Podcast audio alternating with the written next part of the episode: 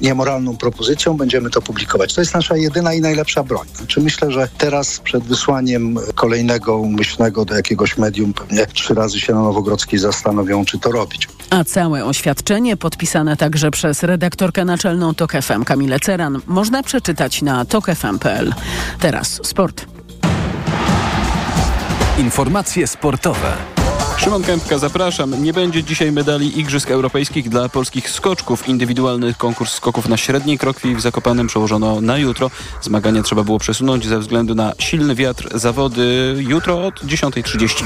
Kłopoty piłkarskiego mistrza Polski Rakowa Częstochowa, groźnie wyglądającej kontuzji w sparingu z Puszczą Niepołomice doznał lider Rakowa Iwi Lopez. Zawodnik będzie pauzował kilka miesięcy, mówi klubowym mediom trener Dawid Szwarga. Nie wyglądało to zbyt dobrze. Iwi raczej tak nie reaguje na dotknięcie tylko i wyłącznie. Mam nadzieję, że mimo wszystko rezonans pokaże, że nie jest to nic poważnego. Raków pierwszy mecz w eliminacjach Ligi Mistrzów zagra 11 lipca z Florą Tali. Gwiazda bośniackiej piłki nie chce jechać na turniej do Rosji. Finalista tegorocznej edycji Ligi Mistrzów Edin Dzeko, który w ubiegłym tygodniu podpisał kontrakt z Fenerbahce, odmawia wyjazdu ze swoją nową drużyną na towarzyskie spotkania w Petersburgu.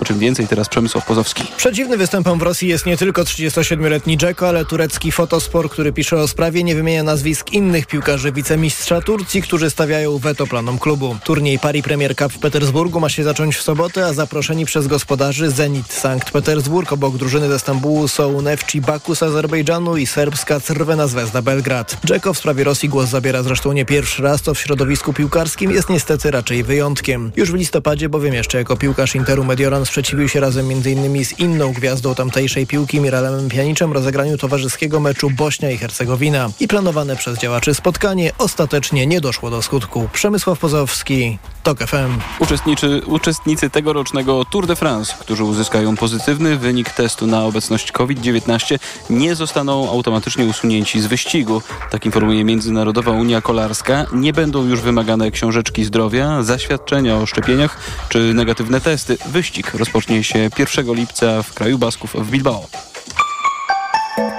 Pogoda. Nocą słaby deszcz będzie padał na wschodzie i południu Polski. Lokalnie pojawią się mgły. Na termometrach tej nocy na ogół od 11 do 14 stopni. Najcieplej powinno być na Półwyspie Helskim do 16. Radio TOK FM. Pierwsze radio informacyjne. Mikrofon, Mikrofon Tok FM. Tok FM. Na zegarach prawie 26. Czas na mikrofon Radiotek FM. Wita się z Państwem Małgorzata Wałczyńska, również Karolina Kłaczyńska, która dzisiejszy program wydaje i Maciej Golczyński, który go realizuje. Wczoraj rząd przyjął ustawę, która od stycznia przyszłego roku podnosi wartość świadczenia 500 plus do 800 zł miesięcznie. I jakie jest podejście do tego Polaków? Otóż różne, jak można zerknąć do sondaży, na przykład taki przeprowadzony przez portal rp.pl. Było pytanie, pojawiło się tam pytanie o to, czy Polacy popierają podniesienie 500 plus o 300 zł i e, odpowiedzi być może są zaskakujące, bo okazało się, że podniesienia świadczenia nie chce aż połowa Polaków za jest co trzeci. Jakie mogą być tego przyczyny? Tutaj zerkam do innego sondażu. Sondaż Ibris dla Radia Z. 65% Polaków jest przekonanych, że jeżeli świadczenie 500 plus zostanie podniesione o 300 zł, to wpłynie to na wzrost inflacji w Polsce. Ale skoro rozgorzała już dyskusja na temat 800, e, które właśnie od przyszłego roku ma zacząć obowiązywać, to my dzisiaj w programie, w mikrofonie Radia Tok FM chcemy Państwa zapytać o samo 500. Jak samo 500, plus, jak ten program wpłynął na Państwa życie i życie Państwa bliskich. Czy to jest rzeczywiście coś, co się przydało, czy może jednak nadal e, uważają Państwo, że powinno zostać zlikwidowane? Zanim jednak e, zapytamy Państwa o to, jak, e, jakie doświadczenia Państwo mają w tym temacie, e, to chciałam przywitać naszą gościnę, jest nią pani profesor Elżbieta Mączyńska, honorowa prezeska Polskiego Polskiego Towarzystwa Ekonomicznego ze Szkoły Głównej Handlowej. Dobry wieczór. Dobry wieczór. Pani profesor, to jeżeli weźmiemy pod uwagę to, co mówi nam nauka i badania, to co właściwie zmieniło 500 plus, 500 plus w tym naszym polskim krajobrazie? To zależy z której strony patrzymy. Jeżeli patrzymy A jakie mamy pozycji, stronę w takim razie? Jeżeli patrzymy z pozycji Warszawy, jak niektórzy złośliwie mówią Warszawki, to bardzo często można spotkać e, opinie dość takie nonszalanckie, że to 500 plus to w zasadzie to to jest i do, dość dużo negatywnych opinii. Ja chciałam przypomnieć, e, jak, jakie były okoliczności wprowadzenia 500.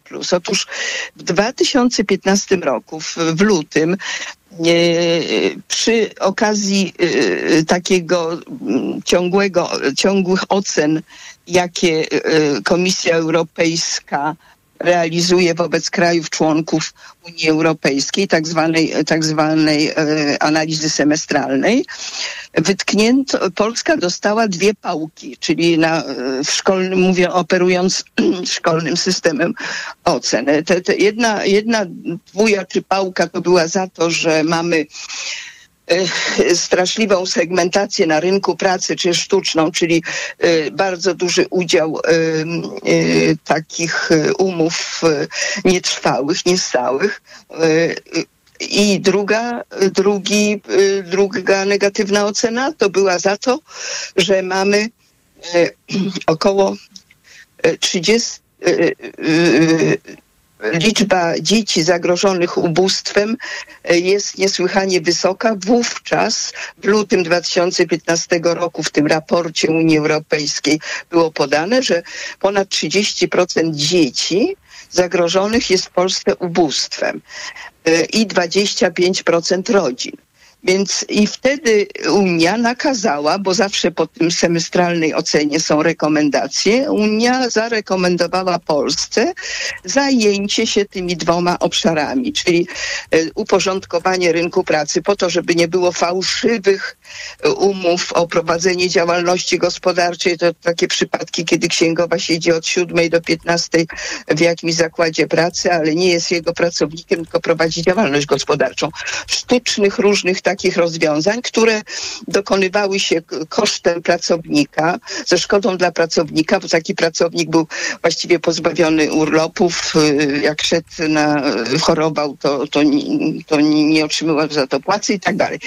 E, natomiast tym drugim obszarem właśnie była bieda dzieci. I teraz były długie dyskusje, czy e, pomagać finansowo rodzinom, które mają te dzieci e, stosownie do ich dochodów, czyli pomagać tylko tym o niskich dochodach, czy po prostu ustanowić płatność. W Niemczech to się nazywa Kindergeld, czyli pieniądze dla dzieci, dla, dla każdego dziecka bez względu na to, w jakiej rodzinie się rodzi, czy z jakiej rodziny pochodzi, czy z bogatej, czy, czy biednej. I wybrano to drugie rozwiązanie, Argumentacja była taka, że koszty administracyjne, które byłyby związane z kontrolą, kto ma jakie dochody, różnego rodzaju manipulacje tymi dochodami, ukrywanie i tak dalej, e, byłyby bardzo duże i w związku z tym e, nie opłaca się tutaj różnicować i przyznano te e, zasiłki 500 plus dla wszystkich dzieci. I moim zdaniem to było dobre rozwiązanie i jest nadal do, to jest dobre rozwiązanie. Dlaczego? Proszę Państwa, musimy sobie zadać pytanie, kto jest najważniejszy w naszym życiu i w naszym mm, funkcjonowaniu, w naszej gospodarce? Człowiek. Człowiek. Bez człowieka nie byłoby niczego ale żeby byli ludzie, to muszą się rodzić dzieci. Oczywiście nikt y, y, nie, nie podejmuje decyzji o posiadaniu dziecka tylko dlatego, że jest 500 plus, ale skoro już się dzieci rodzą, to dobrze by było, żeby były pieniądze na to, przynajmniej jakieś minimalne, żeby te dzieci y, miały przyzwoite warunki funkcjonowania. Ale tutaj pojawiają się w takim razie od razu dwa argumenty, takie czy kontrargumenty. Jeden, jeżeli chodzi o to, co pani powiedziała, czyli najważniejszy jest człowiek. Można też powiedzieć, że najważniejsze jest jednak dziecko, jako ta przyszłość naszego kraju. No i już nawet w komentarzach naszych słuchaczy na Facebooku, na profilu Radia Tok FM pojawiają się głosy, że te pieniądze nie trafiają wcale do dzieci, tylko trafiają na przykład do matek, które kupują sobie jakieś kolejne rzeczy. No właśnie, ale te badania szczegółowe, które były przeprowadzone także przez e, pracowników ze SGH i inne środowiska badawcze, temu przeczą. No oczywiście zawsze się znajdą jakieś e, skrajne przypadki, kiedy e, w rodzinach patologicznych, że te pieniądze nie trafią bezpośrednio do dzieci, ale były stosowane rozwiązania, proponowane były rozwiązania i nie, niektóre w niektórych gminach te, te rozwiązania wykorzystywano, że nie dawano pieniędzy w takich przypadkach takich patologii, tylko, tylko właśnie jakieś bony. I to, to można łatwo rozwiązać. W każdym to co razie... w takim razie jeszcze tylko dopytam, z Państwa badań wynikało, to znaczy na co w takim razie te pieniądze idą rzeczywiście? No, bardzo dużo część, bardzo duża część poszła na e, wypoczynek, bardzo duża część poszła na edukacyjne wydatki różnego rodzaju. E, także to nieprawda, że patologiczne e, zjawiska tutaj się wiązały z, z, z zasiłkiem 500+.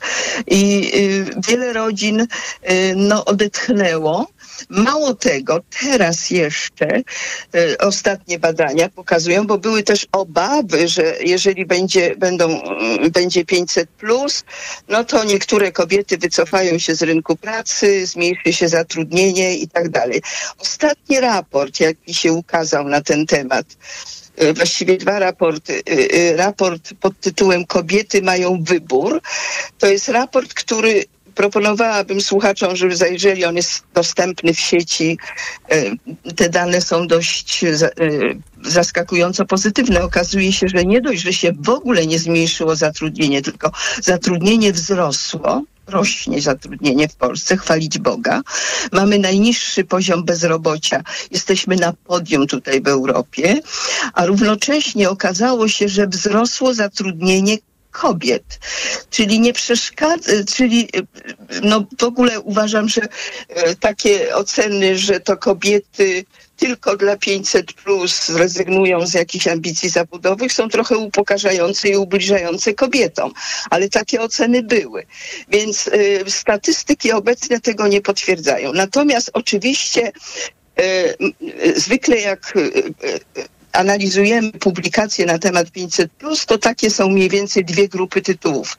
Jeden, jedna grupa tytułów podkreślająca, że to jest sukces e, społeczny, bo zmniejszyły się nierówności i rzeczywiście zmniejszyło się zagrożenie ubóstwem dzieci, e, e, i, ale klęska demograficzna. I teraz proszę Państwa, no trzeba też na ten problem, na ten problem klęski demograficznej też patrzeć holistycznie.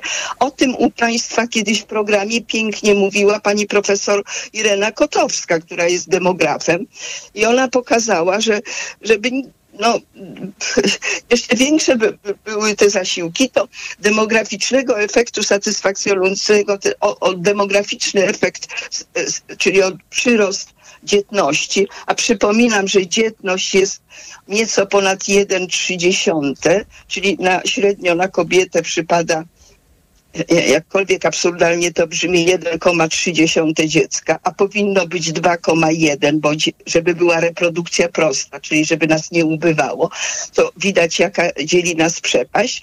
No, ale skąd się ta przepaść bierze? No i teraz Demografia w kwietniu mieliśmy e, najgorszy wynik w historii, jeżeli chodzi o liczbę urodzeń dzieci. No właśnie, ale skąd się to bierze? To się bierze ze struktury demograficznej, a na strukturę demograficzną pracowaliśmy dzielnie od dekad.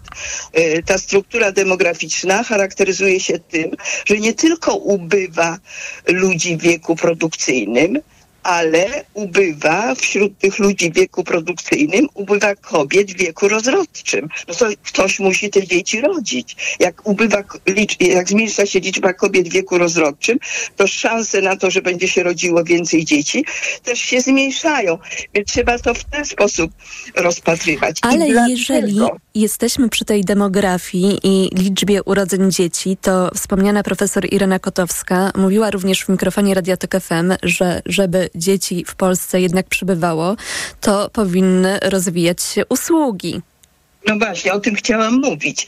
I dlatego w, te, w takiej sytuacji dramatycznej, jakiej my jakiej jesteśmy, jakim, w jakiej Polska się znalazła, to można powiedzieć, nie wiem czy to nie, nie zabrzmi zbyt materialnie, bo wiadomo, że rodzenie dziec, dzieci, posiadanie dzieci to jest prze, przede wszystkim kwestia uczuć, miłości i tak dalej, i to jest priorytet w każdym razie w normalnym, e, e, zdrowym środowisku, ale można powiedzieć, że każde dziecko to pod każdym względem, e, możemy powiedzieć, że w Polsce każde dziecko to jest, to jest coś na miarę złota. Po prostu musimy wykorzystywać wszystkie środki możliwe, będące w naszym zasięgu, po to, żeby zachęcać do, do, do tego, żeby po pierwsze dzieci się rodziły, a, a po drugie, że jeżeli już się urodzą, to żeby te dzieci miały odpowiednią jakość życia, taką jakość życia, która pozwoli im na dobry start w dorosłości. Tylko, że te środki są ograniczone, więc pytanie, czy rzeczywiście, bo pojawiają się też i takie głosy, również od osób, które pobierają 500, że wolałyby, żeby te pieniądze zamiast do nich wracać, bo gdyby i tak są odbierane w postaci podatków, a potem wracają takim transferem, że wolałyby, żeby na przykład po prostu właśnie usługi były bardziej dostępne, lepiej dostępne, żeby było więcej żłobków, e, za które nie trzeba płacić. No albo może też na przykład nie 800, tylko niech już zostanie to 500, ale jednak jakaś nadwyżka, która jest, bo zakładamy, że jest, skoro podwyżka ma być, żeby ona szła w te usługi. Oczywiście niezbędne, e, niezbędne jest to, co ja określam jako rozwój e, e, infrastruktury prorodzinnej. To w tym się mieści właściwie wszystko to, co pani redaktor przed chwilą wymieniła, czyli dostępność żłobków, przedszkoli, E, pediatrycznych, e, do, dostępność lekarzy pediatrów, e, dostępność lekarzy ginekologów dbających o to, żeby dzieci się rodziły w należytych warunkach i żeby nie było, nie występowały zagrożenia dla kobiet i, i ich dzieci. Więc to jest cały świetlice w szkołach, ale nie świetlice przechowalnie, tylko świetlice ukierunkowane na łowienie talentów, na e, pobudzanie wśród dzieci zainteresowań, wykrywanie, identyfikowanie zainteresowań tych dzieci. To, ale zasiłki też są niezbędne dowodzi tego doświadczenie no, wszystkich krajów cywilizowanych, Zachodu, skandynawskich krajów, Niemiec. I teraz można powiedzieć, tak dobrze, ale nie mamy ograniczenia budżetowe, bo budżet nie jest z gumy. Oczywiście i każdy ekonomista to wie, tylko jest kwestia priorytetów. Powstaje pytanie, co jest szczególnie tragicznym zagrożeniem dla Polski obecnie? Co? No, no właśnie, brak ludzi w wieku produkcyjnym, y, starzenie się społeczeństwa, to, że się rodzi mało dzieci. Wobec tego o te dzieci musimy dbać o jak największy skarb, y, nie tylko pod kątem zwykłym ludzkim, ale te, także po prostu, powiem to jako ekonomistka, może to zabrzmi zbyt um, też materialistycznie, dzieci to wielka inwestycja, najważniejsza inwestycja. Kiedyś Einstein powiedział coś takiego, że dopóki choć jedno dziecko na świecie głoduje albo cierpi y, z powodu krzywdy doznawanej mm, przez dorosłych, to nie możemy się szczycić postępem jakimkolwiek. Ja się zgadzam z takim powiedzeniem.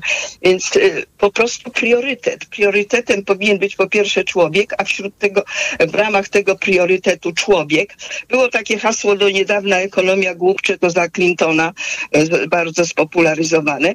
No ale z tego hasła to wynika, że właściwie gospodarka jest dla człowieka, gospodar człowiek jest dla gospodarki, a nie gospodarka dla człowieka.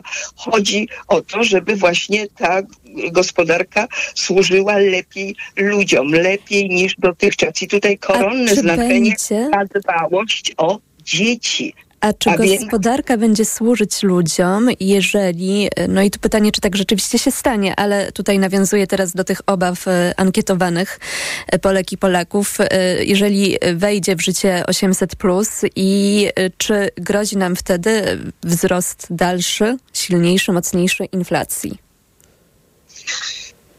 No więc y, wyliczenia są y, takie, że to może przekładać się na inflację w wysokości tam 0,3 y, punkta, więc te takie wyliczenia, które ja znam, ale to, czyli to nie, w niewielkim stopniu, ale nawet gdyby się przekładało w większym stopniu, to to, że zwiększa się e, zasiłek 500 plus z 500 do 800, to jest właśnie między innymi po to, żeby e, e, wyeliminować negatywne następne inflacji. To 500 plus zostało pożarte przez inflację. Tylko zostaje Teraz wtedy na przykład grupa również opuszczona przez państwo seniorów, osób starszych z niskimi emeryturami. Oczywiście, no tak, mamy jak gdyby tutaj dofinansowania w postaci kolejnej emerytury jeszcze, no ale nadal to nie są pieniądze, które gdzieś tam po, po, pozwalają na, na, na godne życie, takie jakie powinno być. Więc czy to oznacza, że to wtedy miałoby być dzieci kosztem y, osób starszych?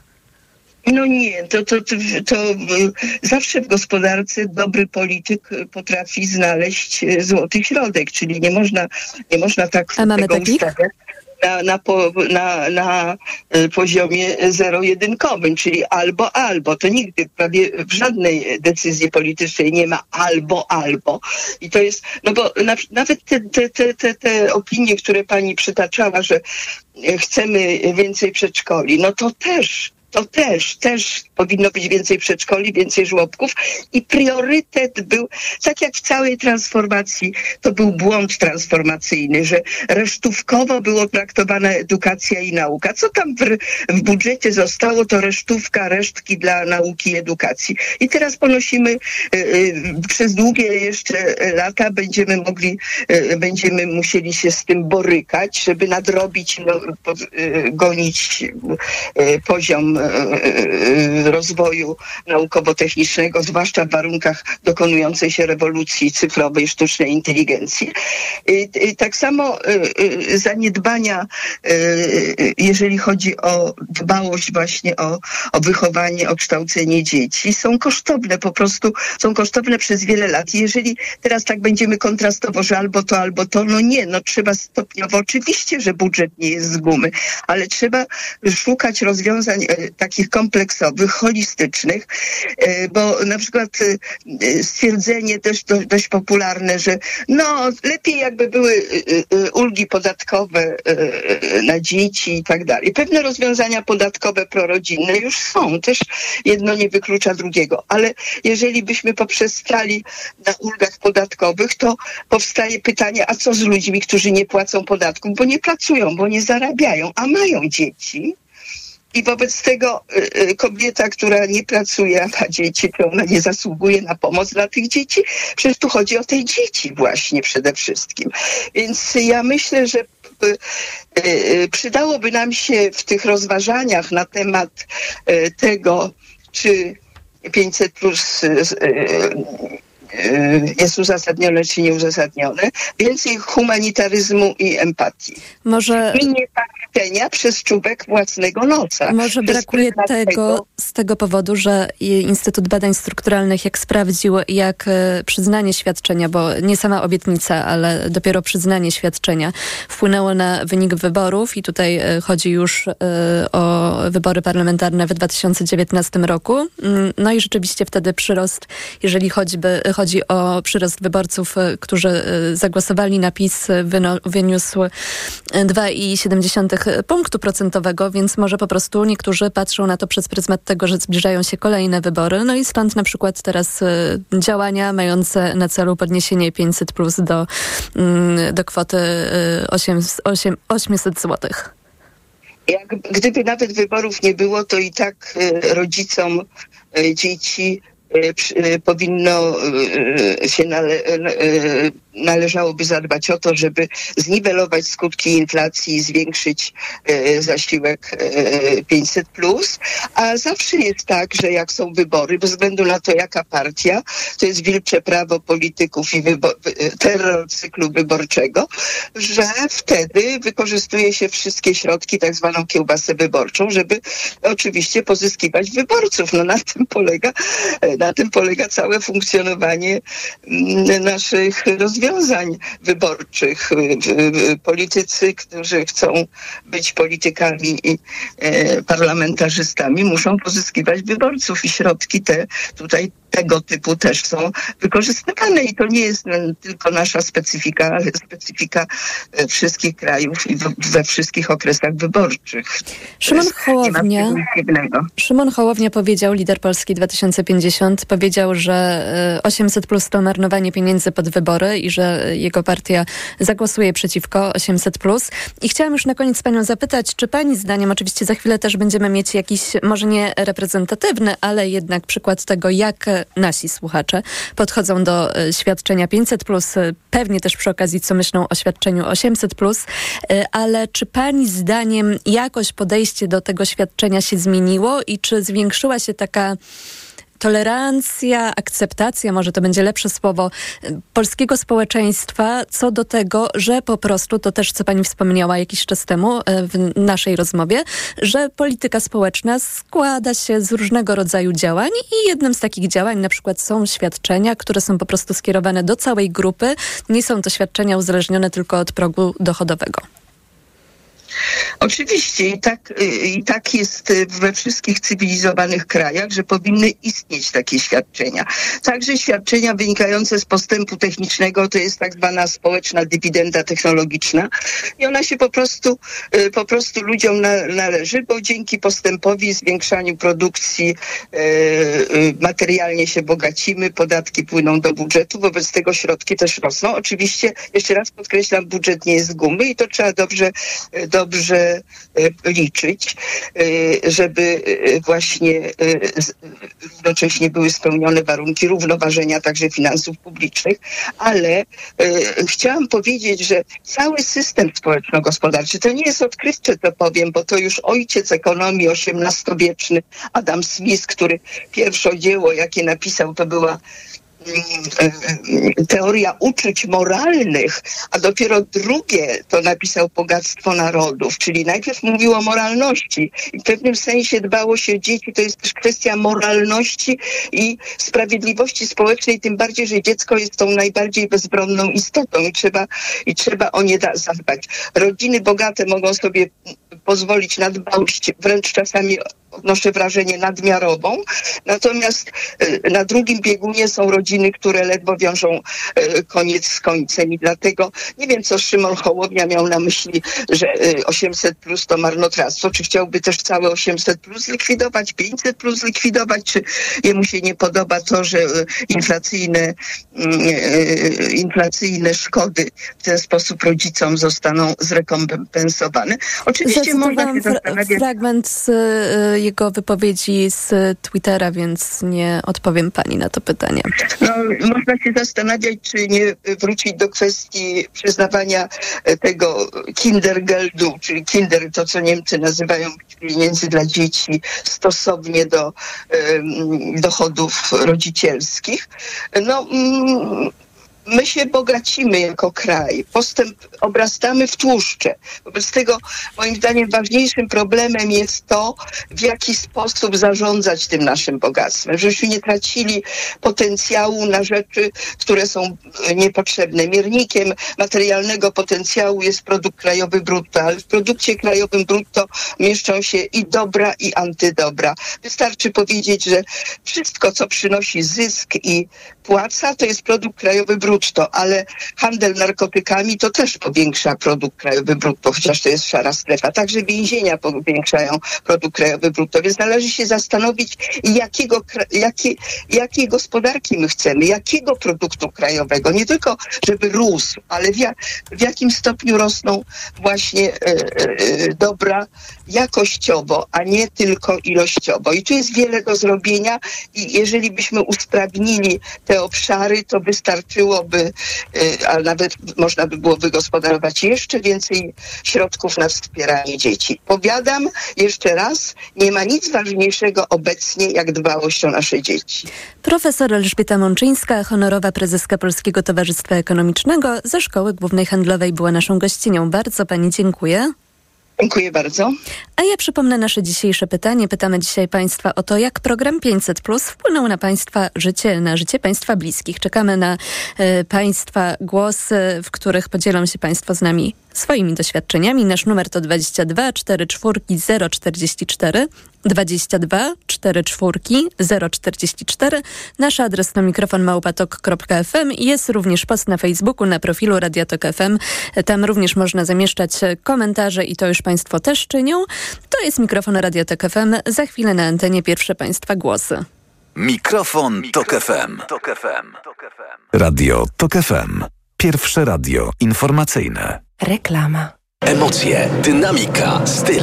F175, Daytona SP3, 330P4, 296 GTB. Cztery niepowtarzalne modele Ferrari sterowane za pomocą Twojego smartfona. Tylko na stacjach Shell. Więcej na shell.pl. Reklama.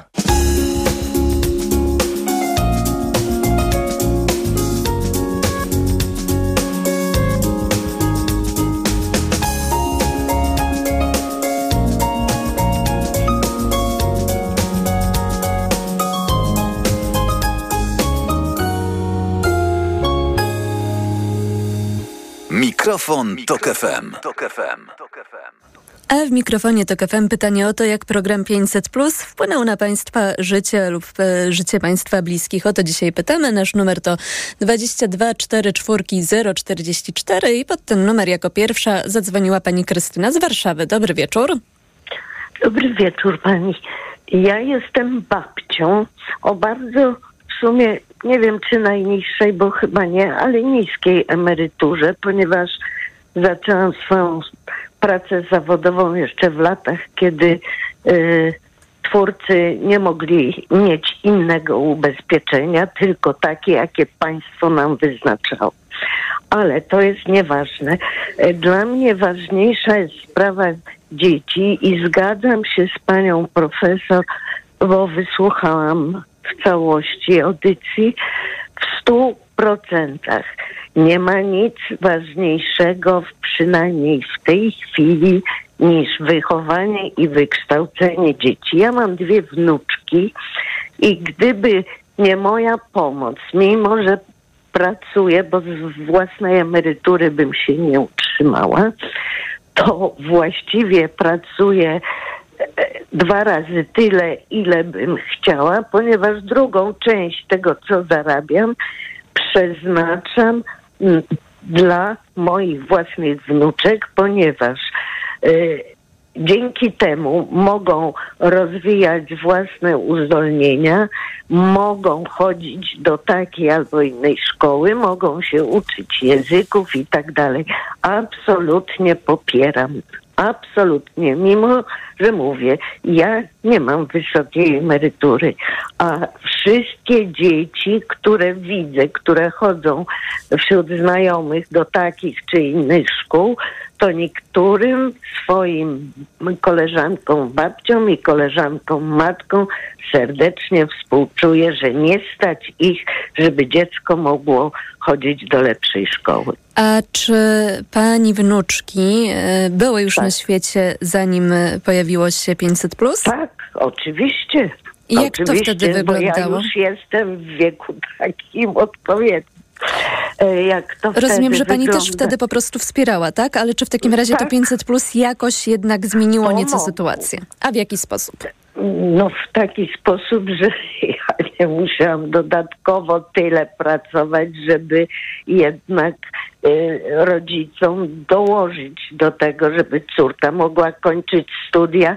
Y, to wszystko by było nierealne gdyby naprawdę nie było, to się wydaje mało. Mnie się też wydawało, chociaż moja córka uważała, że może lepiej by było, żeby szkolnictwo poprawić za te 500 plus dla każdego dziecka. No właśnie, Ale i jak pani nie... myśli? Czy nie lepiej by było, ja... gdyby pieniądze zostały zainwestowane w usługi? Znaczy, ja myślę, że w szkolnictwo jak najbardziej. I to bym też popierała żeby szkoły były e, mniejsze klasy, więcej nauczyciele zarabiali, żeby poziom był wyższy. Absolutnie na to się bym zgadzała, ale ponieważ nie widzę, żeby istniała taka możliwość, bo jakoś ruchy społeczne są stosunkowo nieduże i wydaje mi się, że to trudniej jest w szybkim czasie osiągnąć niż to, że własne wnuczki czy dzieci człowiek popchnie, że jeszcze się nauczą tego, że pójdą na jakieś tam zajęcia, które je rozwijają. Nie wiem, ja nie jestem ekonomistą. Gdybym była, to bym wiedziała, co szybciej i lepiej A ile, by było. ile pani czasu poświęca na pracę teraz? I jak to się właśnie też zmieniło od kiedy pojawiło się 500? To znaczy, bo powiedziała pani, że trochę mniej, ale pytanie w takim razie, ile jest No teraz, ile było? Ja jestem na tej emeryturze i pracuję prawie, bo ja nie jestem na etacie jako e, wykonuję taki zawód, że nie, nie muszę być i nie mogłabym być w tej chwili już na etacie, bo nikt by mnie nie przyjął emerytki, ale bardzo chętnie y, instytucje państwowe korzystają z moich y, z mojej wiedzy i z moich możliwości jeszcze. I ja pracuję y, na umowy o dzieło pół roku na rok, trzy czwarte roku, rok, cały rok, w zależności od tego, jaką mam umowę. I to jest pięć dni w dzieło. tygodniu, czy mniej? Nie, na ogół pięć. Ale muszę powiedzieć, że do tej pory byłam niezmęczona, a w tej chwili już mnie to męczy. E, Gdybym połowę pracowała, to by mnie nie męczyło, ale w tej chwili dojazdy, ponieważ ja się poruszam e, komunikacją miejską, to dojazdy mnie męczą. No i już 8 godzin dziennie plus dojazdy, plus mój wiek, to trochę mam dość. Ale jeszcze dwa lata, powiedziałam, pomogę, aż dziewczynki nie skończą obie szkoły podstawowej. Jedna, no wie pani, to, to są, tylko jeszcze ostatnią rzecz, bo nie chcę tam za... e, A ja jeszcze będę miała i tak jedno pytanie do pani. Proszę. proszę. Chciałam zapytać, czy pani zdaniem jakoś jak e, od nowego roku zacznie obowiązywać 800, to coś się poprawi, czy może e, odwrotnie obawia się pani jednak wzrostu inflacji i tego, że w panią to też po prostu uderzy? I tak uderza, i tak uderza. Jeżeli pani profesor powiedziała, że to jest tam 0,3 z kawałkiem, 0,33 czy jakiś tam niewielki procent, proszę pani, to jest niewiele. Ale jeżeli moja wnuczka, która ma średnią prawie 6, bo skończyła szkołę podstawową i teraz mamy do wyboru. Są punktacje idiotyczne w liceach takie, że ona się martwi, czy ona się dostanie do dobrego liceum. To proszę sobie wyobrazić, dziewczyna, która ma prawie sześć, martwi się i mówi, babciu, może mi jeden czy dwa punkty zabraknąć. No to te inne dzieci, co to za szkoły będą kończyć? Ja, ja, ja tego nie, po prostu nie rozumiem. W związku z tym, że ona jest dobrą uczennicą, no to ja powiedziałam, pierwszy rok, jeżeli się nie dostaniesz do dobrego państwowego liceum, to już zdała egzamin do innej szkoły prywatnej, to ja pierwszy rok pomogę doczesnego wam wpłacać. Ale co będzie później, to ja nie wiem, przecież ja mam po 70 ile lat ja mogę pracować. Ja i tak pracuję 13 lat dłużej niż, od, e, niż wiek 60. To chyba wystarczy. Od, bo prowadzam podatki, płacę dwa razy ZUS, bo od emerytury i od zarobków, podwójny ZUS. Nad tym się nikt nie zastanawia, co właśnie można by tym starszym osobom przynajmniej jakieś udogodnienia zrobić, minimalne, minimalne, żeby chciały pracować. Przecież to jest jakiś, chyba w żadnym kraju podwójnie z ZUS-u się nie płaci. Nie wiem.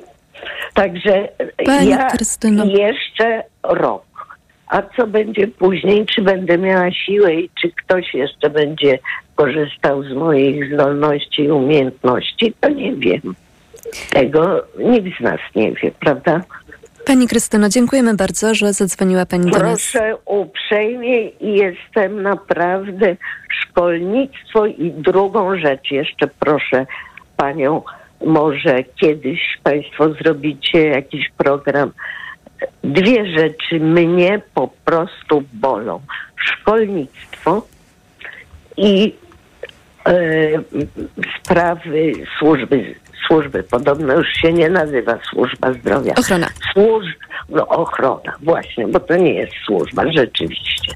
Y, ochrony zdrowia, jeżeli te dwie rzeczy w naszym kraju nie będą jakoś uzdrowione, to ja się obawiam, że nie dość, że mamy bardzo mały przyrost, czyli dzieci mamy coraz mniej, to te młode dzieci, jak się wykształcą, to czmychną. Zawsze byłam przeciwnikiem wyjazdu na stałe z kraju. Sama miałam takie możliwości, jak był stan wojenny, ale nie skorzystałam z tego, bo uważałam, że to może niekoniecznie. Ale teraz absolutnie bym nie powiedziała, żeby wszyscy mieli tu zostawać, jeżeli możliwości rozwoju już od szkoły średniej, już nie mówię od podstawowej, są mizerne. Pani Krystyno, Także bardzo dziękujemy jeszcze raz za telefon. E, Życzymy wszystkiego dobrego i dla Pani, i dla Pani rodziny i wnuczek. E, Była z nami Pani Krystyna z Warszawy, a na Facebooku e, są liczne Państwa komentarze i Pani Elżbieta na przykład na nasze dzisiejsze pytanie o to, jak program 500 Plus wpłynął na Państwa życie, napisała tak. Efektem programu wpływającym na życie Polaków były znaczne podwyżki produktów, znaczne podwyżki zakładam cen produktów i usług. Z kolei pani Anna mm, napisała w ten sposób. Na moich bliskich e, 500 plus wpłynęło dobrze. Brat ma trójkę dzieci, kasa bardzo się przydaje na szkołę czy dodatkowe zajęcia.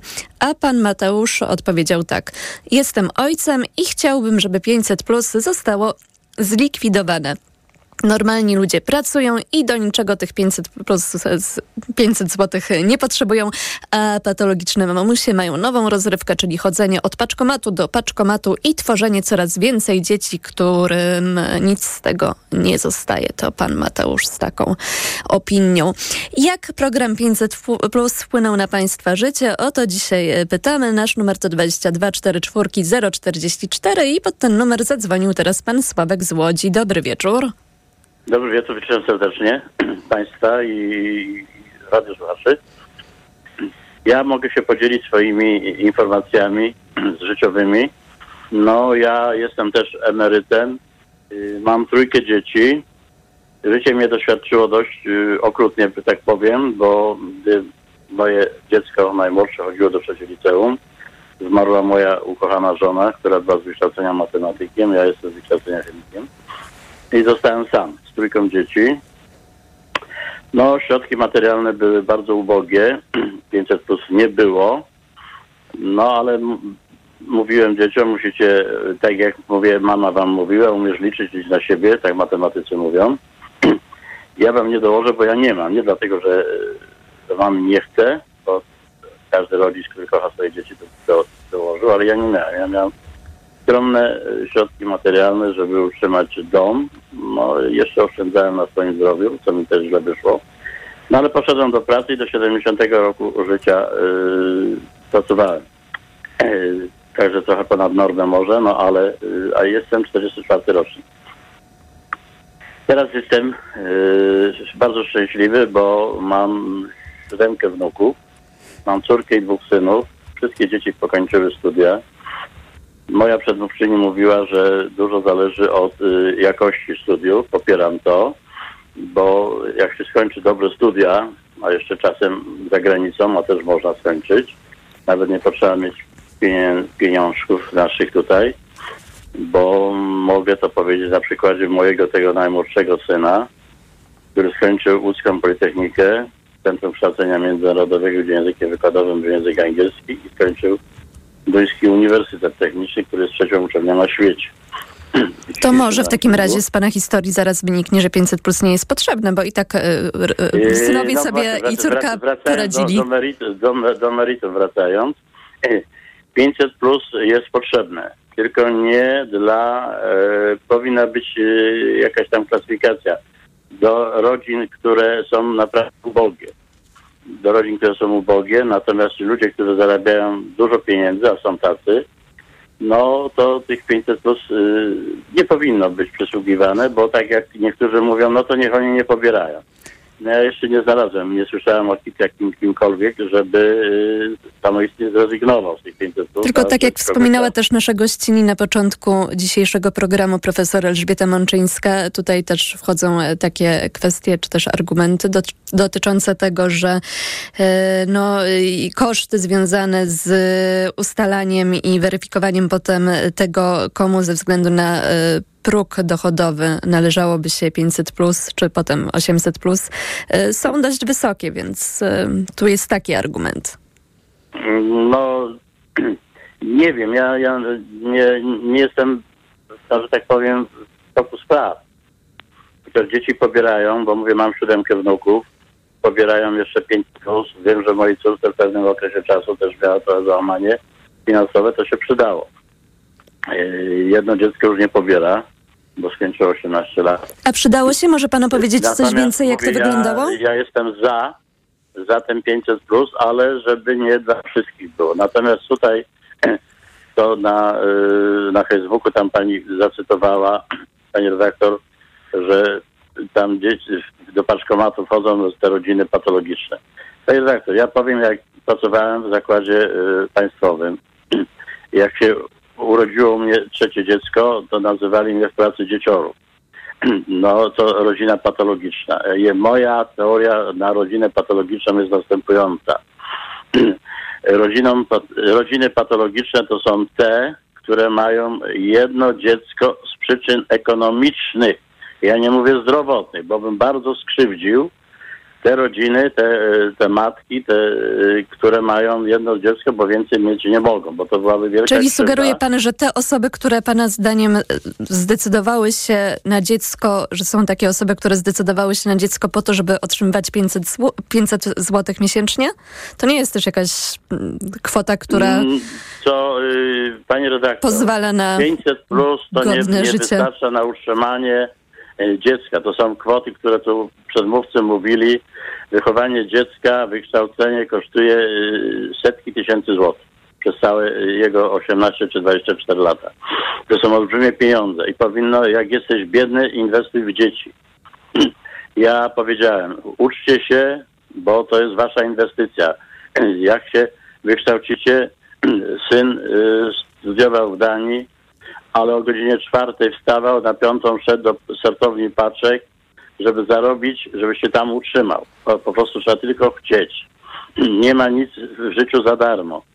A y, jeszcze raz podkreślam, 500 plus jest niezbędne, tylko od samego 500 plus przyrostu y, dzieci nie będzie. To trzeba stworzyć warunki, stworzyć y, przedszkola, warunki materialne. Ja oglądałem kiedyś program y, z Czech jako wzór. Tam jest podane, żeby kobiety u nas, moim zdaniem, głównie się boją zachodzić w ciąży z uwagi na to, że no, mogą umrzeć w razie jakichś tam powikłań, a w szpitalu, w którym rodzą, czeka od razu prokurator, co, dlaczego i tak dalej. Powinna e, być ta ustawa o tej, o tej rygorystycznej y, aborcji zlikwidowana to my, nasze chrześcijaństwo wkracza y, w islamizację chrześcijaństwa. Panie Sławku, to... ale trochę już teraz zbaczamy z naszego dzisiejszego tematu. Dobra, wraca, wracam do tematu. Słucham panią. Nie, to już chciałam panu jednak grzecznie podziękować, że pan do nas zadzwonił, ale kolejni słuchacze jeszcze czekają, więc jeżeli pan pozwoli, to posłuchamy teraz pana Janusza z Kośminka. E, dobry wieczór. Kłaniam się nisko. I na początek pozdrawiam panią Krystynę. To wydaje mi się, że jest piękna osoba. E, sądząc po wypowiedzi, trzymam kciuki za jej rodzinę i za to, żeby wszystko się ułożyło jak trzeba z tymi e, dziewczynkami. Panie Januszu, a jak to u pana wygląda? Czy 500 plus coś zmieniło w życiu pana rodziny? No, na początek dwa słowa prezentacji. Po pierwsze, e, jestem tatą trójeczki dzieci. Po drugie, jestem socjalistą, nawet lewakiem, można powiedzieć. Wie pani tak, moja ocena programu 500 Plus jest taka. E, para w gwizdek. Niestety ten program nie rozwiązał żadnego problemu, jaki był anonsowany przy jego uruchomieniu. Ale zlikwidował inny, o którym mówiła nasza gościni, czyli zminimalizował ryzyko ubóstwa u dzieci. E, e, wie pani, mo, może tak, może nie. Może tak, może nie. I tutaj A na co pan się są- powołuje, mówiąc, że może tak, a może nie? E, na to, że o, koszty nam odjeżdżają i że ryzyko ubóstwa u dzieci, u dzieci e, po, powinno być raczej e, raczej znoszone poprzez godziwe zarobki rodziców niż poprzez dopłaty państwowe. Proszę zwrócić uwagę, mówię A tylko nie myśli pan, że jednak łatwiejsze socjal. jest e, świadczenie niż w jakiś sposób wpływanie na rynek pracy, żeby były wyższe zarobki? Ale to jest pułapka. Jak? Ale to jest pułapka. W jaką, w jaką pułapkę, proszę mi powiedzieć, wpadłam? E, No pani nie wpadła. Ile pani ma dzieci? I ile 500 tak pani otrzymuje? A ja tak się nie No lubię dobrze, odsłaniać jak... Do, dobrze, dobrze, to jest prywatna sprawa. Proszę pani, jaka jest pułapka? Pułapka jest taka, że za, załóżmy, że mamy trójkę dzieci. Załóżmy, że ja mam, bo mam trójkę dzieci. I to jest 1500 zł miesięcznie, tak? Na dziecko. Pomijamy to, że kochamy z żoną, pracujemy od dwudziestu kilku lat bez jednego dnia przerwy. I to jest tak naprawdę dla nas zwrot podatków. Ale w sytuacji, gdy rodzina, dla niej to jest ważny dochód, dla nas nie jest ważny.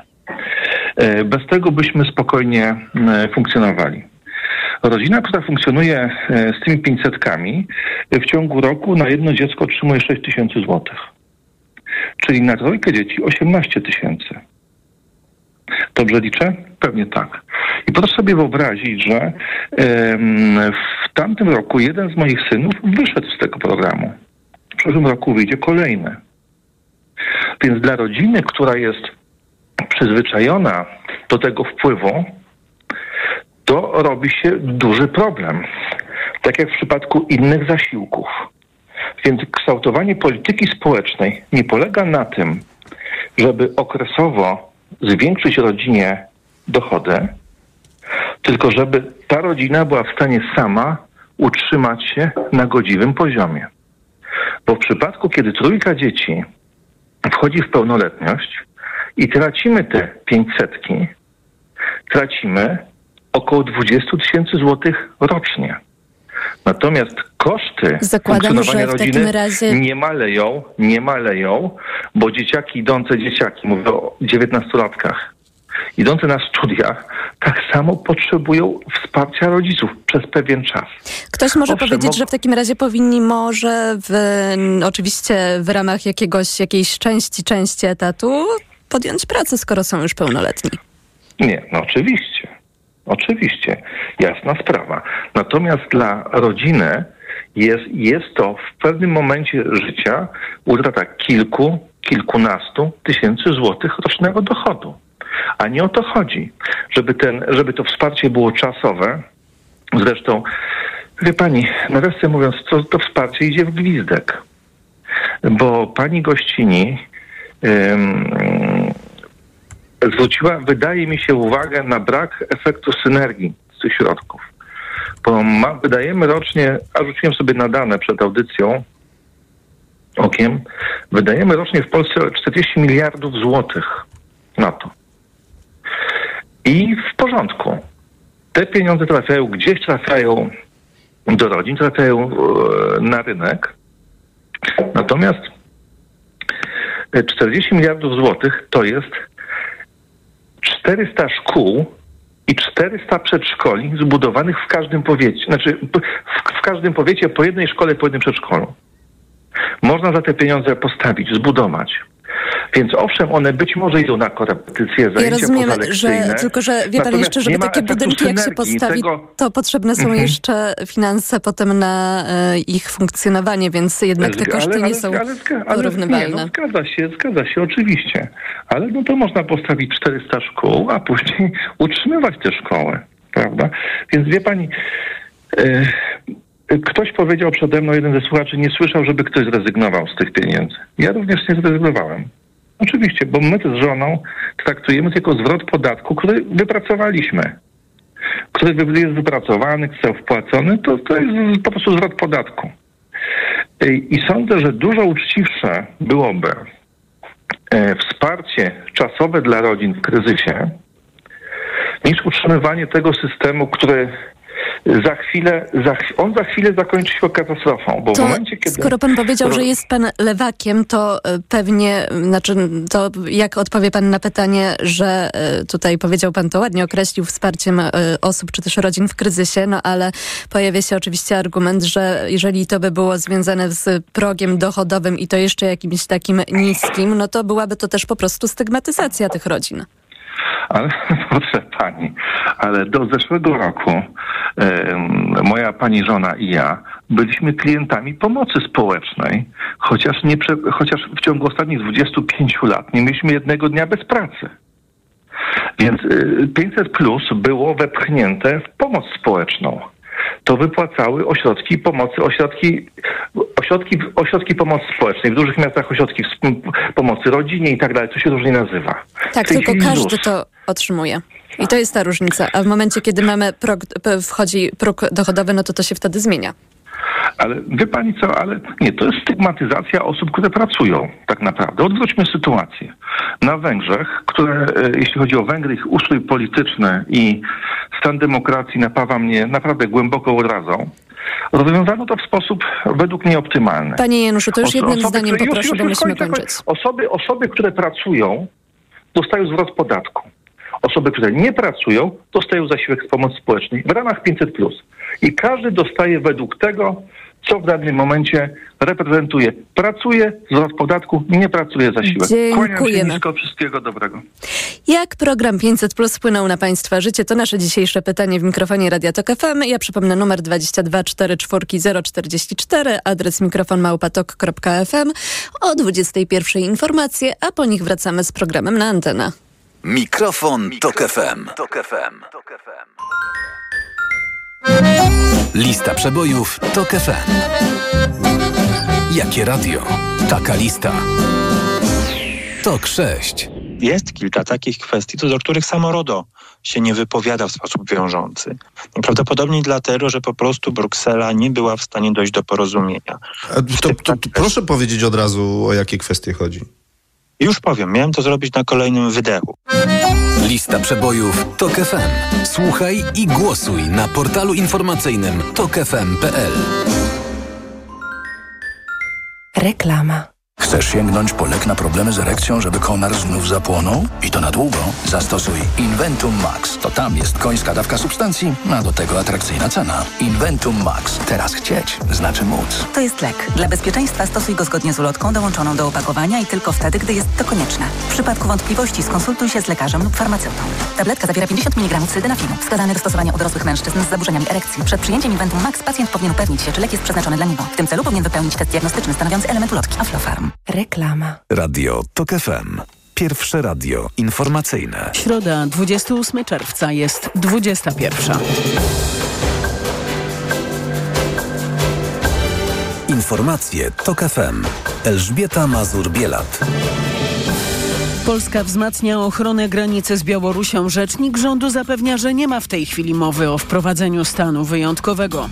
Uchodźcy mają być paliwem politycznym. Jestem tym przerażona, mówi w TOK FM była zastępczyni Rzecznika Praw Obywatelskich. Mazowiecka policja zatrzymała więźnia, który kilka dni temu uciekł z konwoju do sądu.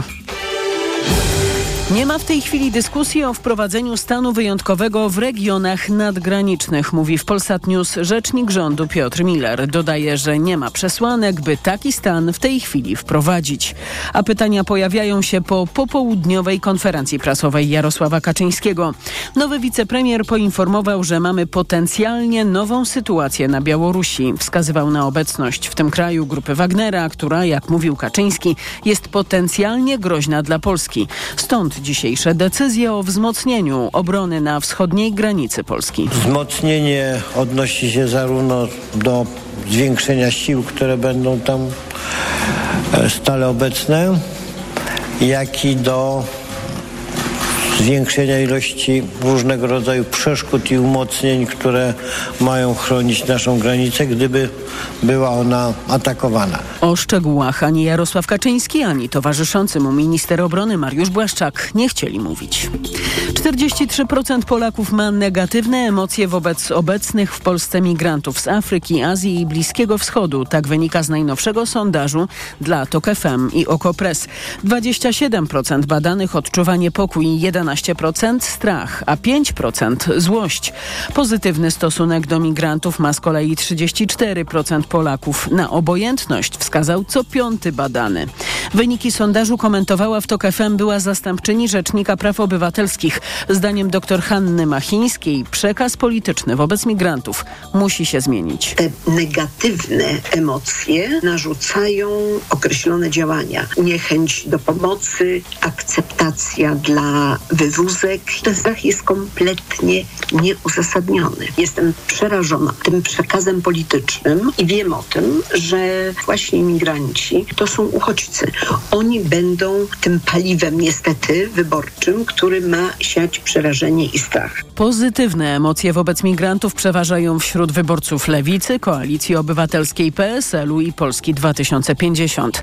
Spośród wyborców Konfederacji 14% badanych wyraziło akceptację wobec migrantów. Wśród wyborców Prawa i Sprawiedliwości to zaledwie 10%. Były ukraiński prokurator skazany na dożywocie za przekazywanie Rosjanom kluczowych informacji. Został uznany za winnego zdrady stanu. Poza dożywociem został ukarany też konfiskatą majątku. Służba Bezpieczeństwa Ukrainy informuje, że były szef prokuratury obwodowej w Mikołajowie na południu Ukrainy, Henadi Herman, przekazywał siłom rosyjskim informacje o sytuacji operacyjnej w Mikołajowie i okolicy, zabitych żołnierzach i cywilach Rosjanach wziętych do niewoli i tym, gdzie są przetrzymywani. Przekazywał też Rosjanom hasła obowiązujące na punktach kontrolnych. Po południu policjanci zatrzymali mężczyznę, który kilka dni temu zaatakował konwojujących go policjantów i uciekł spod budynku sądu w Piasecznie pod Warszawą. Poszukiwania trwały od czwartku, kiedy 36-letni więzień był przewożony z aresztu w Grójcu do sądu w Piasecznie. Na terenie sądu zaatakował policjantów. Jednego uderzył z całej siły tak, że funkcjonariusz stracił przytomność. Drugi policjant usiłował obezwładnić więźnia, ale to się nie udało. Uciekinier został zatrzymany dzisiaj w prywatnym mieszkaniu w Warszawie. To są informacje TOK FM. To będzie pięć dni wielkiego i radosnego świętowania na krakowskim Kazimierzu. Dziś rozpoczął się Festiwal Kultury Żydowskiej. Impreza od lat przedstawia bogactwo i różnorodność żydowskiej kultury z całego świata. Paulina Nawrocka. Tematem przewodnim tegorocznego festiwalu jest ostatni z żywiołów, czyli powietrze, mówi Robert Gądek z biura festiwalowego. Nazywamy festiwal słowem ruach, bo to po hebrajsku właśnie znaczy powietrze. Ten żywioł przewija się y, głównie w, w sferze wykładowej i warsztatowej. Wykłady rabinów, wykłady Janusza Makucha mówią o powietrzu, o tym, jakie ma ono inne jeszcze znaczenie. Może być duchem, może być tchnieniem, może być wiatrem. Jak zwykle nie braknie spotkań, warsztatów, wystaw i koncertów, w tym tego najbardziej charakterystycznego, pod gołym niebem. Zapraszamy oczywiście na Szalom na Szerokiej, który wraca po trzech latach y, na ulicę Szeroką właśnie o godzinie 18 w sobotę. To będzie 6 godzin muzyki na żywo i też bezpłatnie, więc nie potrzeba żadnych biletów. Impreza potrwa do niedzieli. Z Krakowa Paulina Nawrocka, TOK FM. Kolejne informacje za godzinę. Pogoda. Na wschodzie i południu tej nocy słaby deszcz i mgły na termometrach na ogół od 11 do 14 stopni. Jutro bez opadów na wybrzeżu, poza tym wszędzie deszcz, a na wschodzie także burze. W dzień od 18 stopni w Białymstoku do 22 w Zielonej Górze. Radio TOK FM. Pierwsze radio informacyjne. Mikrofon, Tok FM.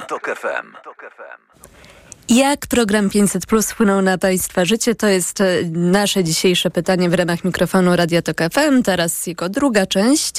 E, Nasz numer to 22 44 044 i pod ten numer mogą Państwo dzwonić. I tak uczynił Pan Jarek z Poznania. Dobry wieczór. Dobry wieczór, pani redaktor. Mm, Panie redaktor, odpowiadając pani, jako ojciec też dzieci, powiem tak, wpłynął fundamentalnie, zasadniczo. E, parę lat temu, kiedy dzieci mnie zapytały, bo usłyszały, że ten program wchodzi w życie, już nie pamiętam ile to było lat temu, zapytały, czy to coś pomoże. Ja im powiedziałem wtedy, wiecie dzieci, Mamy sytuację w Polsce jeszcze w miarę stabilną. Mamy prawie deflację, nie ma inflacji, ale moim zdaniem w ciągu paru lat ten program spowoduje gigantyczne zjawisko inflacji. E, powiedziałem dzieciom, uważam, będzie to rzędu 10% w ciągu paru lat. E, nie skorzystaliśmy z tego programu. Nie skorzystalibyśmy z tego programu, ponieważ uważam, że ten program jest jednym z największych przestępstw wobec całego narodu, ponieważ jest to rozdawnictwo. O tym wszyscy światli ludzie mówią, że to jest rozdawnictwo. Rozdawnictwo czegoś, co nie, nie należy do państwa, co nie należy do rządu, a należy do nas. I teraz, jak to wpłynęło w praktyce na naszą rodzinę? Pani redaktor, słyszymy się, tak? Tak, tak, słucham pana. Pani redaktor, w efekcie, o ile płaciliśmy jakieś podatki, ciężko pracując z żoną na nasze dzieci, to wiem, że w tej chwili, w tamtym roku, ja zapłaciłem prawie parędziesiąt tysięcy więcej podatków, które oczywiście się nazywają dla zmyłki, składkami ZUS-owskimi, składkami zdrowotnymi, ale zapłaciłem parędziesiąt tysięcy więcej i zabrałem te parędziesiąt tysięcy mojej rodzinie, bo musiałem A dać czy pana dzieci rządowi, korzystają ze szkół który- państwowych, publicznych czy prywatnych? E, Nie, korzystały częściowo z prywatnych szkół. A jak I dojeżdżały, też po czym? za te szkoły. E, tramwajami, autobusami. A z E, usług medycznych? E, proszę panią, e, tak jak wszyscy, korzystamy praktycznie z prywatnych usług medycznych, bo nie istnieje, jak pani, pani wie. A gdyby zdarzył się jakiś wypadek, to państwowa- również usługi medyczne, jeżeli chodzi o Pani szpital? re- Pani redaktor, za chwileczkę dojdziemy do prostego wniosku, że wszystko powinno być za darmo, tylko pytanie, kto na to ma zarobić. E, Pani redaktor, podstawowym e, kryterium tego, czy w państwie się dobrze dzieje, to jest to, e, oczywiście mówię o społeczeństwie wykształconym, które wie, na czym polega prokreacja, jak się ludzie rozmnażają, jest to, jaka jest dzietność, czy ta dzietność wzrasta. Jeśli w państwie dobrze się dzieje, to wtedy społeczność się powiększa i to jest obserwowane od bardzo dawna przez socjologów, opisane w wielu pracach naukowych. Jeśli dzieje się źle, to naród zaczyna się zwijać. W tej chwili Polska się zwija i to w tempie niewyobrażalnym. A czy dobrze rozumiem, że to gdzieś tam na początku tego zwijania się, o którym pan mówi, stoi 500 plus pana zdaniem?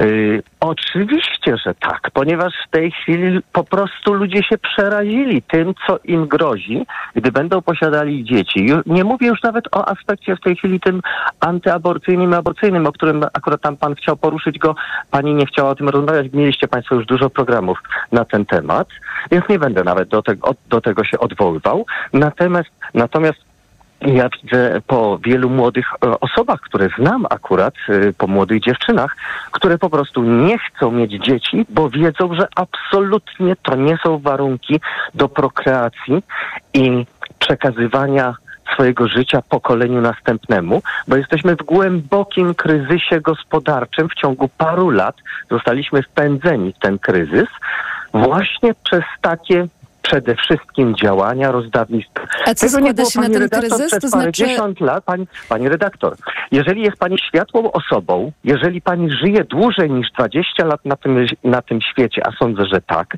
to powinna być pani świadoma tego, że w Polsce w miarę było stabilnie, w miarę było bezpiecznie dla przeciętnie pracującego człowieka.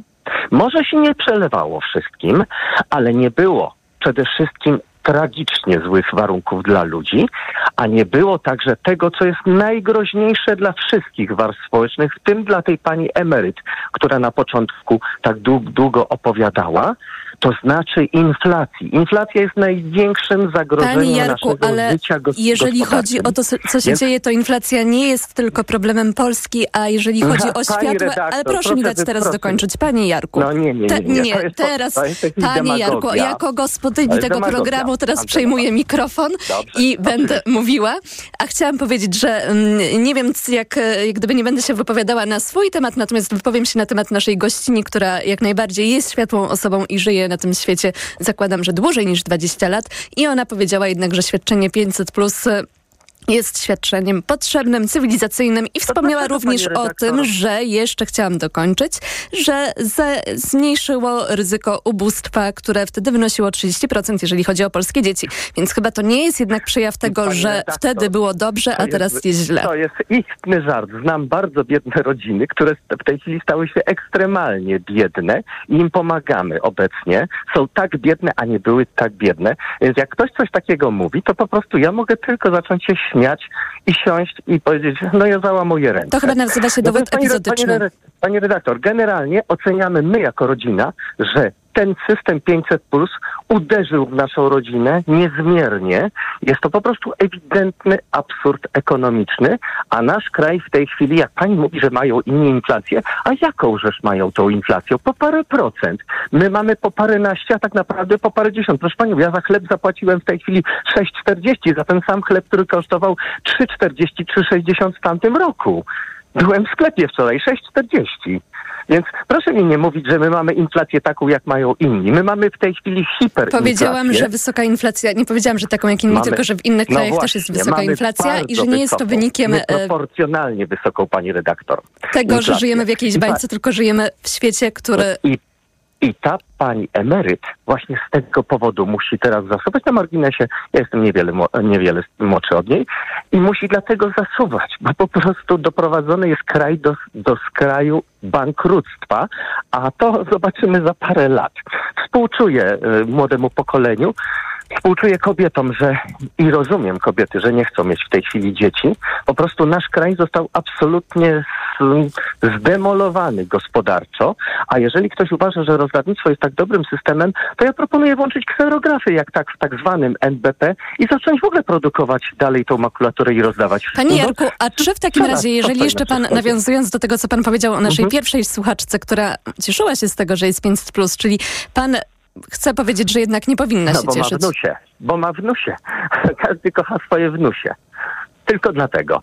A, ale może. To chyba dobrze, może że kocha swoje wnusie. Pani, pani redaktor, przecież wie, wie pani o co mi chodzi. Mi chodzi o to, że gdybyśmy Nie, nie wyczułam co prawda ironię, ale jednak nie czytam w pana myślach. E, nie, bo to nie jest obiektywne podejście, że w takiej sytuacji No powiedziała, dobrze, że dzięki tym na- pieniądzom, na wnuczki. że te pieniądze... Gdyby, Panie. Jarku, ale jak mówimy obydwoje, to wtedy nic nie słychać, a chciałam powiedzieć, że nasza pierwsza słuchaczka powiedziała, że te pieniądze sprawiają, że jej wnuczki mogą korzystać z zajęć Mogą, dodatkowych, może kluczowe- mogą sobie pozwolić na to, żeby pójść na przykład do szkoły słowo prywatnej. Mogą. Mogą. Korzystają dobrze, proszę nie łapać mnie za oznacza? słówka. Panie redaktor, co to oznacza, że mogą z powodu 500 plus? To znaczy, że mamy absolutnie wszystko rozregulowane, jeżeli bez tego 500 plus nie mogą. Właśnie o to chodzi, że system gospodarczy zosta- został doprowadzony w ciągu raptem około 7 lat do tragicznego poziomu, bo gdyby było normalnie, to, to by one też mogły i bez tego 500 plus. Ja przeżyłem parę dziesiąt lat bez żadnego 500 plus. Moi rodzice nie mieli żadnego 500 plus. I co? Żyliśmy normalnie, wszyscy pracowali. Były skoki Wie pan, kiedyś też e, pracowało się więcej niż po było. 8 godzin dziennie i e, pracowały również obowiązkowo dzieci. Świat się na szczęście Panie zmienia. Nie, nie, absolutnie nie, nie. Proszę mi nie mówić, że pracowały obowiązkowo dzieci, bo gdy ja poszedłem rozładowywać węgiel na tak zwanych krowach, na wagonach w wieku 15 lat, to dostałem wielkie manto od rodziców, dlaczego ja w ogóle chciałem chodzić gdzieś Mówię o pracować. trochę wcześniejszych latach. Także, a nie, to mów, mówmy o XVII wieku, wtedy dzieci też pracowały. Niedługo znowu będą musiały pracować. Przed chwilą tak się padło Panie hasło, Jarku, oby jednak nie. powyżej 18 lat. Dobrej Bardzo nocy. dziękujemy. Na zakończenie rozdawnictwa i bolszewictwa. Panie Jarku, bardzo dziękujemy. Był z nami pan Jarek z Poznania. Nasz numer to 22 44 044. Nasz adres to mikrofonmałpatok.fm. Na ten e, adres przyszedł mail od pani Magdy. I napisała ona tak, dzień dobry, 500 czy 800 plus, przypomnę, że od nowego roku 800 plus wejdzie w miejsce 500 plus.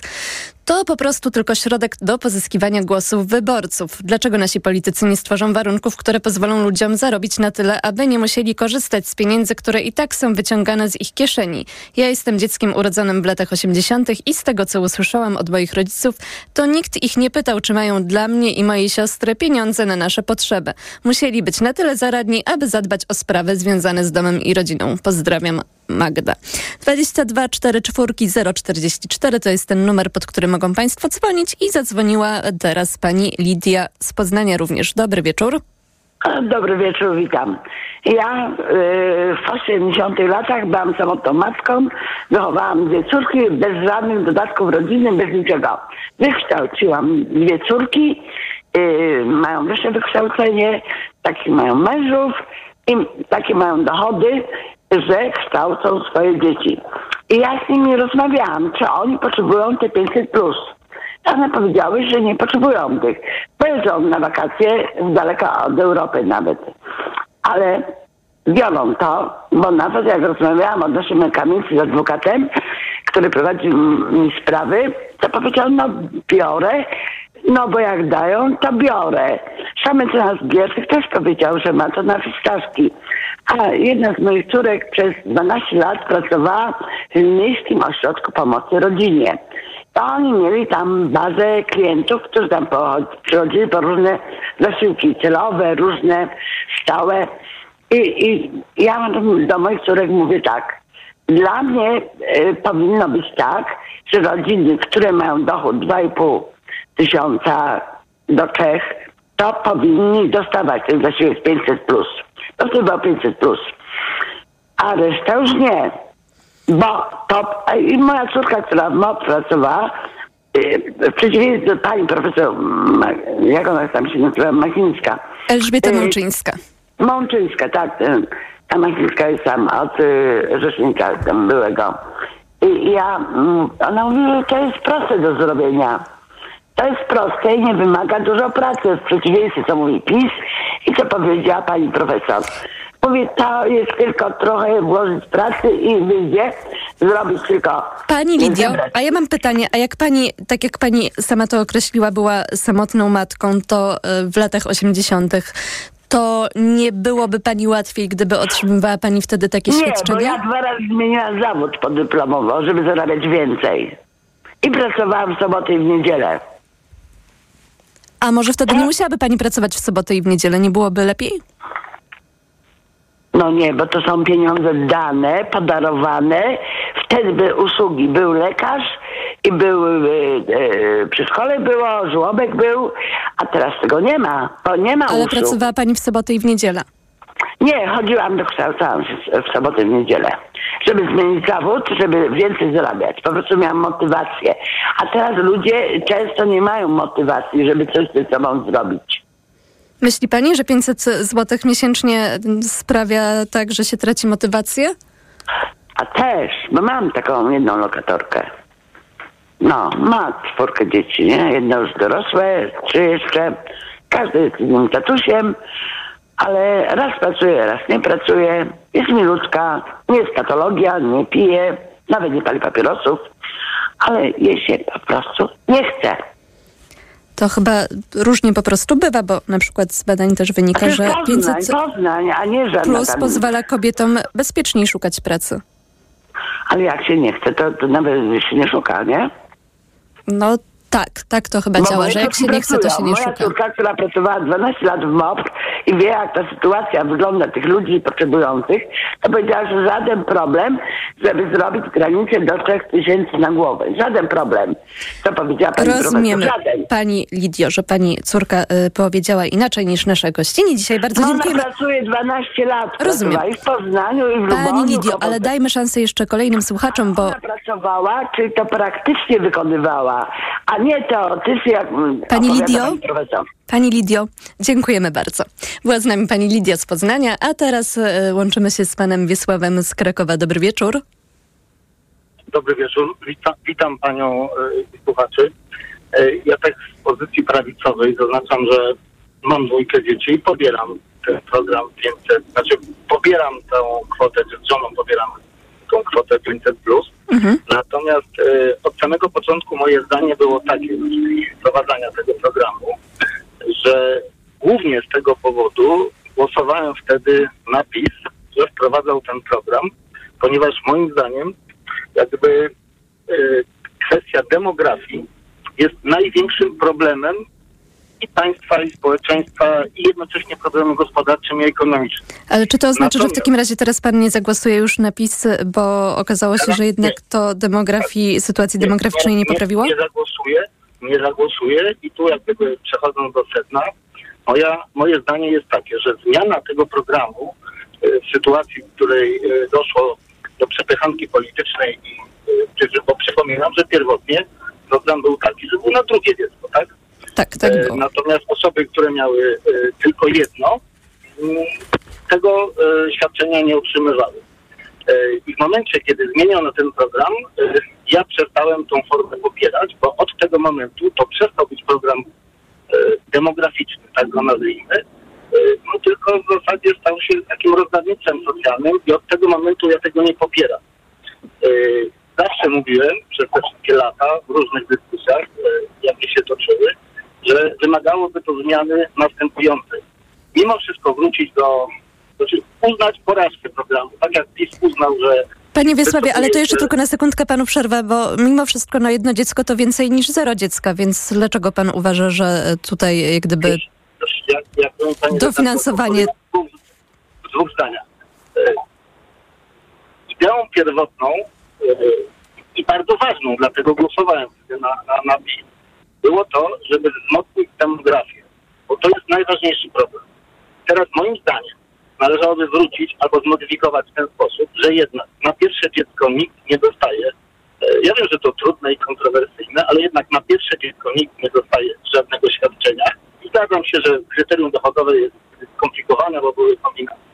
Ale na przykład na drugie 1000, na trzecie 1500 i być może dopiero i z warunkiem, że jeżeli ktoś ma drugie czy, e, czy trzecie, to dostaje te 500 czy 800 na pierwsze również. E, I dopiero być może ta sytuacja, takiej e, kwot e, spowodowałaby, że mówiąc krótko, no, no to jest kontrowersyjna historia, ale że osoby, no kobiety, które no, pracują w miejscach, gdzie te zarobki, no nie wiem, niewielkie i to by dopiero skłoniło do tego, żeby tych dzieci mieć więcej. Bo ja już nie chcę się tam odnosić do wszystkich wypowiedzi poprzedników, czy, czy, czy pan, czy panów, ale moim zdaniem mm, jak gdyby, no nie, nie chcę twierdzić, że nie mają racji, bo tam każdy, każdy coś sensownego mówi, tylko y, według mnie w tej chwili ten problem, problem, który mamy jako państwo, społeczeństwo, to nie jest problem już ekonomiczny, tylko kulturowy. Uważam, że większość ludzi nie chce mieć dzieci więcej, albo ma tylko jedno, bo tak jest im wygodnie. A co ze zmniejszeniem ryzyka ubóstwa? Nie uważa pan, że to jednak e, jest e, dość istotny aspekt, że mniej dzieci jest e, nim zagrożonym? Znaczy, jest tak jak mówię, tylko musimy sobie, ja rozumiem, bo słyszałem te wypowiedzi i rozumiem pani podejście takie, no, powiedzmy lewicowe czy, czy socjalne, którego ma takie nastawienie, fajnie wszystkim dać. No możemy wszystkim rozdawać pieniądze, dokładać 800 tysiąc, tylko wtedy pojawiają się argumenty, Nie wszystkim, tym, którzy mają dzieci. Y, No, no, ale mówimy o 500 plus, czyli no, mówimy o pieniądzach, które rozdajemy dzieciom, tak? No ale dzieci jest coraz y, mniej. Tylko, o, a o, i właśnie, tu sama pani odpowiada na swoje pytanie.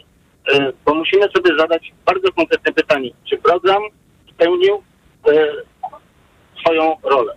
No więc niestety nie spełnił, nie spełnił. Mało Tylko tego, teraz już nikt nie mówi o tym, że ten program ma przyczynić się do wzrostu demografii. Oczywiście na początku pojawiały się takie głosy ze strony polityków, no ale też tak jak wy- wynika z wypowiedzi ale naszej dlatego, gościni, że- to ale była to- kwestia tego, ale zapytałam pana właśnie o te kwestie dotyczące ryzyka ubóstwa. Czy to nie jest jednak istotne, że mniej dzieci jest nim zagrożone? Zagrożonych? e, jest, tak, jest takie ryzyko, tylko niestety e, nie ma takiej możliwości, że wprowadzimy e, takie zmiany, że wszyscy będą zadowoleni. Zawsze jest tak, że ktoś jest e, e, stratny. Natomiast Ale to tu, nie jest w takim e, razie, że według- dl- tak, że dla pana jest ważniejsze, że było więcej dzieci, a nieważne już potem, co z nimi się dzieje i w jakim stanie pani- będą żyły? Czyli właśnie będą zagrożone pani- ryzykiem? Tak, tak, już pani powiem dlaczego. Dlatego, że tu poprzednik, e, no, którym tam przerwaliście e, rozmowa, ale poprzednik może nie wyartykułował tego konkretnie, ale jednym zdaniem e, problem polega na tym, że bardzo bliskiej perspektywie czasowej, trudno mi teraz określić, to może być 5, 10, 15 lat, ale dla państwa, społeczeństwa to nie jest długo, to nie jest dłu- długi okres czasu. E, Demografia, czyli mówiąc krótko, szybko starzejące się społeczeństwo i coraz mniej, ale to dosłownie nie coraz mniej, tylko dramatycznie spadająca liczba urodzeń doprowadzi do niewyobrażalnego dla nas kryzysu gospodarczego, ekonomicznego, społecznego, kulturowego, politycznego i tak dalej. I w tej chwili tak naprawdę, moim zdaniem przynajmniej, y, właśnie program demo, znaczy problem demograficzny jest największym problemem, jaki ma Polska. Nie tylko Polska, bo to dotyczy wszystkich, e, większości krajów w tej chwili środkowej, e, środkowej Europy. I, I my o tym nie mówimy. Znaczy, no, jak gdyby y, akcentowanie, to co pani robi, akcentowanie tego problemu socjalnego, tak, jako ważniejszego, no niestety tutaj troszeczkę wypacza y, problem. A problem jest taki, że y, nie chcę tego nazwać, bo tutaj... Y, no bo nie chcę, Ja bym powiedziała raczej, że po prostu inaczej ustawiamy priorytety. Znaczy, nie chciałbym użyć słowa, że no, no powiedzmy, że to, o czym ja mówiłem, czyli tysiąc na drugie, a 1500, nawet na trzecie, y, oczywiście, no to, to jest taka zachęta, żeby nie nazwać tego y, inaczej, ale, ale nawet w tą stronę, czyli, czyli w tym sensie popieram y, taką, taką politykę i taki program. Y, Rozumiemy. Taki ma pan pomysł na to, jak powinna wyglądać polityka. Panie Wiesławie, dajmy jeszcze szansę ostatniemu już e, naszemu słuchaczowi, bo, bo już e, czas naszego programu powoli dobiega końca. Więc teraz wracamy z Krakowa do Warszawy i łączymy się z panem Marcinem. Dobry wieczór. Dobry wieczór, witam panią, witam wszystkich radiosłuchaczy. Chciałbym troszeczkę e, może poruszyć kwestię nieporuszaną e, dzisiaj na antenie, aczkolwiek oczywiście też związaną z 500+. Jestem e, beneficjentem 1500 zł miesięcznie, jestem ojcem trójki dzieci. Za chwileczkę będę dostawał podobno 2400 zł. Natomiast em, jestem osobą, nie ukrywam, świetnie zarabiającą jak na polskie warunki. E, pieniądze te są, prawdę powiedziawszy, kompletnie mi niepotrzebne. I mógłbym oczywiście unieść się honorem e, i nie brać tych pieniędzy w e, sprzeciwie do, do aktualnego naszego rządu. Natomiast chciałbym zwrócić uwagę na jedną rzecz. Em, tak sobie sam to wewnętrznie tłumaczę. Dlaczego mam nie brać e, pieniędzy, odzyskiwać tylko niewielką część, którą ten rząd e, mi jako przedsiębiorcy e, co miesiąc czy też co roku zabiera. Bardzo dobrym przykładem jest to, że oczywiście oprócz wprowadzenia różnych danin dużo wyższych poprzez Polski Ład, który wszedł w roku ubiegłym, zwyczajne, zwycz- zwykłe podatki, które płacę e, na dzień dzisiejszy, e, urosły tak diametralnie, że jak rok temu płaciłem, jak obliczyłem sobie około 60 kilku tysięcy złotych podatków w skali roku, e, w roku w 2000 w 2021, to w 2022 zapłaciłem już ponad 160 tysięcy, czyli około 100 tysięcy więcej podatku. I to nie jest tak, że rząd cokolwiek daje, tylko rząd zabiera najpierw ludziom, przedsiębiorcom, pracownikom, pracu, osobom pracującym, a potem e, częściowo e, te pieniądze w jakiś sposób rozdaje. Oczywiście część idzie na e, ogromną akcję biurokratyczną, część jest za- zapewne rozkradanych w taki czy inny Ale ci, sposób którzy nie nasz, mają nasz rząd. dzieci, nie dostają tych pieniędzy, więc tutaj się to gdzieś różnicuje. Ci, którzy nie mają dzieci, tych pieniędzy nie dostają oczywiście, natomiast ich podatki przez Polski Ład wzrosły także drastycznie w taki sam sposób jak moje, jak moje podatki. Tak więc e, ciężko mi jest e, stwierdzić, że nie będę tych e, pieniędzy z 500 plus brał, ponieważ jest to tylko cząstka tego, e, co wielokrotnie płacę od roku ubiegłego. Natomiast jeszcze proszę zwrócić uwagę na jedną rzecz. E, Ja się oczywiście nie zgadzam z e, pani, z pani gościem, mam problem z, ze słowami, Profesor. Elżbieta Mączyńska. E, tak, tak. No ja uważam, że ten program absolutnie nie spełnił swoich warunków. E, Zgadzam się z moim przedmówcą, e, byłym wyborcą PiSu i akurat bardzo gratuluję refleksji e, po tych ośmiu latach, e, że no, bez sensu jest dzisiaj ten program, który miał uratować demografię, demografii nie uratował. Ja akurat, tak jak wspomniałem, mam trójkę dzieci, e, czyli ja się troszeczkę ponadprzeciętnie przyczyniłem z moją żoną do poprawienia demografii. Natomiast e, no, uważam, że e, 500 plus czy jakakolwiek pomoc winna być e, po pierwsze redystrybuowana poprzez e, ulgi podatkowe, czyli dla osób pracujących, e, czyli nie zniechęca to do pracy. Dwa, jeżeli mamy sytuację, że ktoś pracować nie może, Matka z czwórką dzieci nie za bardzo może pracować, ponieważ ma tyle pracy w domu z dziećmi, że zdaje sobie z tego sprawę. A pana żona pracuje z trójką? ośrodki. Nie, moja żona z trójką nie pracuje, no ale Tutaj jeszcze zupełnie inna sytuacja, bo żona sobie może pozwolić na to, że, że, że nie pracuje, że nie będzie pracowała. E, natomiast jak ktoś ma czwórkę dzieci, jest samotną matką, ciężko będzie e, pogodzić pracę zawodową z wychowaniem i, i opieką nad dziećmi i wówczas, e, jeżeli ja bym tych pieniędzy nie dostał, bo kompletnie mi się, e, nie ukrywam, one nie powinny należeć, e, ani ich nie potrzebuję, te pieniądze powinny dostawać osoby, które rzeczywiście e, mogłyby e, przez e, gminne ośrodki pomocy społecznej być wychwytywane e, i powinny e, takie osoby dostawać te pieniądze. Natomiast ja jeszcze raz powtarzam, powinny te pieniądze być redystrybu- redystrybuowane poprzez ulgi podatkowe. Przecież na dzień dzisiejszy jest ulga podatkowa, na każde kolejne dzieci jest ulga podatkowa. Dlaczego nie można tego potencjalnie zwiększyć? No dlatego, że wówczas osoby z jak to się często mówi, e, z patologicznych rodzin, które nie pracują, takich pieniędzy nie dostawały. E, A pieniądze, a e, takie osoby najczęściej głosują na tą partię, która e, najwięcej daje, a nic nie wymaga. Panie Marcinie, bardzo dziękujemy, że Pan do nas e, zadzwonił. E, Ja tylko chciałam jeszcze przypomnieć, że tutaj jednak nie e, mówimy o patologicznych rodzinach, tylko w kontekście 500 plus raczej była dyskusja o tych rodzinach, gdzie dzieci były zagrożone ubóstwem i na to warto jednak zwrócić uwagę, gdy dyskutujemy o programie 500 plus, czy też o programie e, 800 plus, bo ten od nowego roku ma się pojawić. To był mikrofon Radia Tok FM. Program wydawała Karolina Kłaczyńska, a realizował go Maciej Kolczyński. O 22 informacje. Za chwilę już książka na głos. Książka Julii Łapińskiej. Dzikie psy czyta Karolina Gorczyca, a ja nazywam się Małgorzata Wołczyńska i bardzo dziękuję Państwu za udział w dzisiejszym programie i za uwagę i życzę już spokojnego wieczoru. Mikrofon, Tok FM. Radio Tok FM. Pierwsze radio informacyjne.